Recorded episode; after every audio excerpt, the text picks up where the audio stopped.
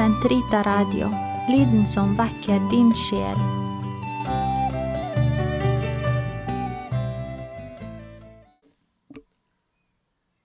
Den katolske kirkes katekisme, uke 10, søndag, paragraf 26-29 til 26-36.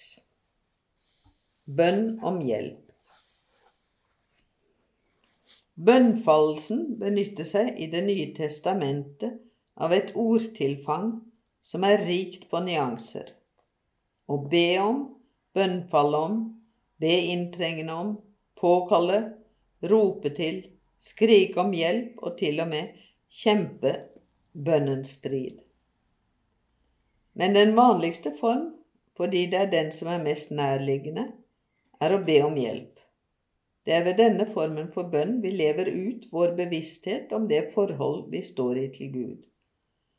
Som skapninger er vi ikke vårt eget opphav, heller ikke herre over motgang eller vårt eget endemål, men fordi vi er syndere, vet vi som kristne at vi vender oss bort fra vår Far.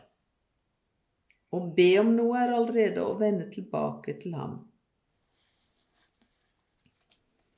Det nye testamentet kan knapt sies å inneholde klagebønner, noe som forekommer hyppig i Det gamle testamentet.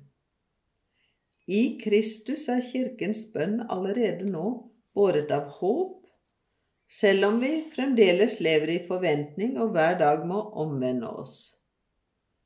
Den kristne bønn om hjelp springer ut av andre dyp, og det er dette Sankt Paulus kaller sukk, skapningen som stønner i fødselsveer. Og også vi sukker mens vi i lengsel venter på at vårt legeme skal bli kjøpt fri, for vår frelse er ennå noe vi håper på. Og endelig Den hellige ånds sukk som ord ikke kan gjengi, og som kommer vår avmakt til unnsetning, for selv vet vi ikke å be slik som vi burde. Å be om tilgivelse er det første som melder seg når man vil be om noe jf. tolderen, vær meg synder nådig. Dette er innledning til en bønn som er rett og ren. Tillitsfull ydmykhet fører oss på nytt inn i lyset fra samfunnet med Faderen og Hans Sønn Jesus Kristus, og samfunnet med hverandre, og hva vi enn ber ham om, skal vi få. Å be om forlatelse er inngangen til den eukaristiske liturgi og til den personlige bønn. Hjertet i den kristne bønn er lengsel og søken etter riket som kommer, slik Jesus har lært oss. Det finnes en rangorden i det vi ber om, først om at riket må komme, deretter om det som trenges for å ta imot det og samarbeide i dets komme. Og samarbeide i Kristi og Den hellige ånds sendelse, som nå er Kirkens sendelse, er gjenstand for den apostoliske menighetsbønn.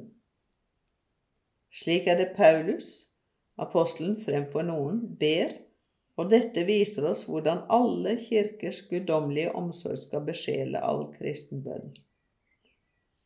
Ved å be arbeider alle døpte for at riket skal komme. Når man på denne måten har del i Guds frelsende kjærlighet, forstår man at alle behov kan bli gjenstand for bønn. Kristus, som tok alt opp i seg for å gjenløse alt, herliggjøres når vi ber Faderen om noe i Hans navn. Det er i forvissningen om dette at Jakob og Paulus formaner oss til å be uavlatelig. Forbønn. Å gå i forbønn er å be om noe slik at vi ber i samsvar med Jesu bønn. Det er Han som er den ene forbeder hos Faderen for alle mennesker, særlig for syndere. Derav følger også at Han helt og fullt kan frelse dem som går i gjennom ham til Gud. Alltid lever han og kan gå i forbønn for dem. Den hellige ånd går selv i forbønn for oss, og hans forbønn for de hellige svarer til Guds egen vilje. Å gå i forbønn for og be om noe for en annen har siden Abrahams tid særpreget det hjertet som er i samklang med Guds miskunn. I kirkens tid er de kristnes forbønn delaktig i Kristi forbønn. Den er uttrykk for de helliges samfunn. I forbønnen setter ikke den som ber, sin egen velferd høyest, men har tvert imot øye for de andre. Ja, han ber til og med for dem som gjør ondt mot ham. De første kristne menigheter levet intenst i denne formen for å dele med andre. Slik er det apostelen Paulus gjør dem delaktige i sin tjeneste for evangeliet, men han går også i forbønn for dem. Kristnes forbønn kjenner ingen grenser. For alle mennesker, for landsstyrene, for forfølgerne, for deres frelse som forkaster evangeliet.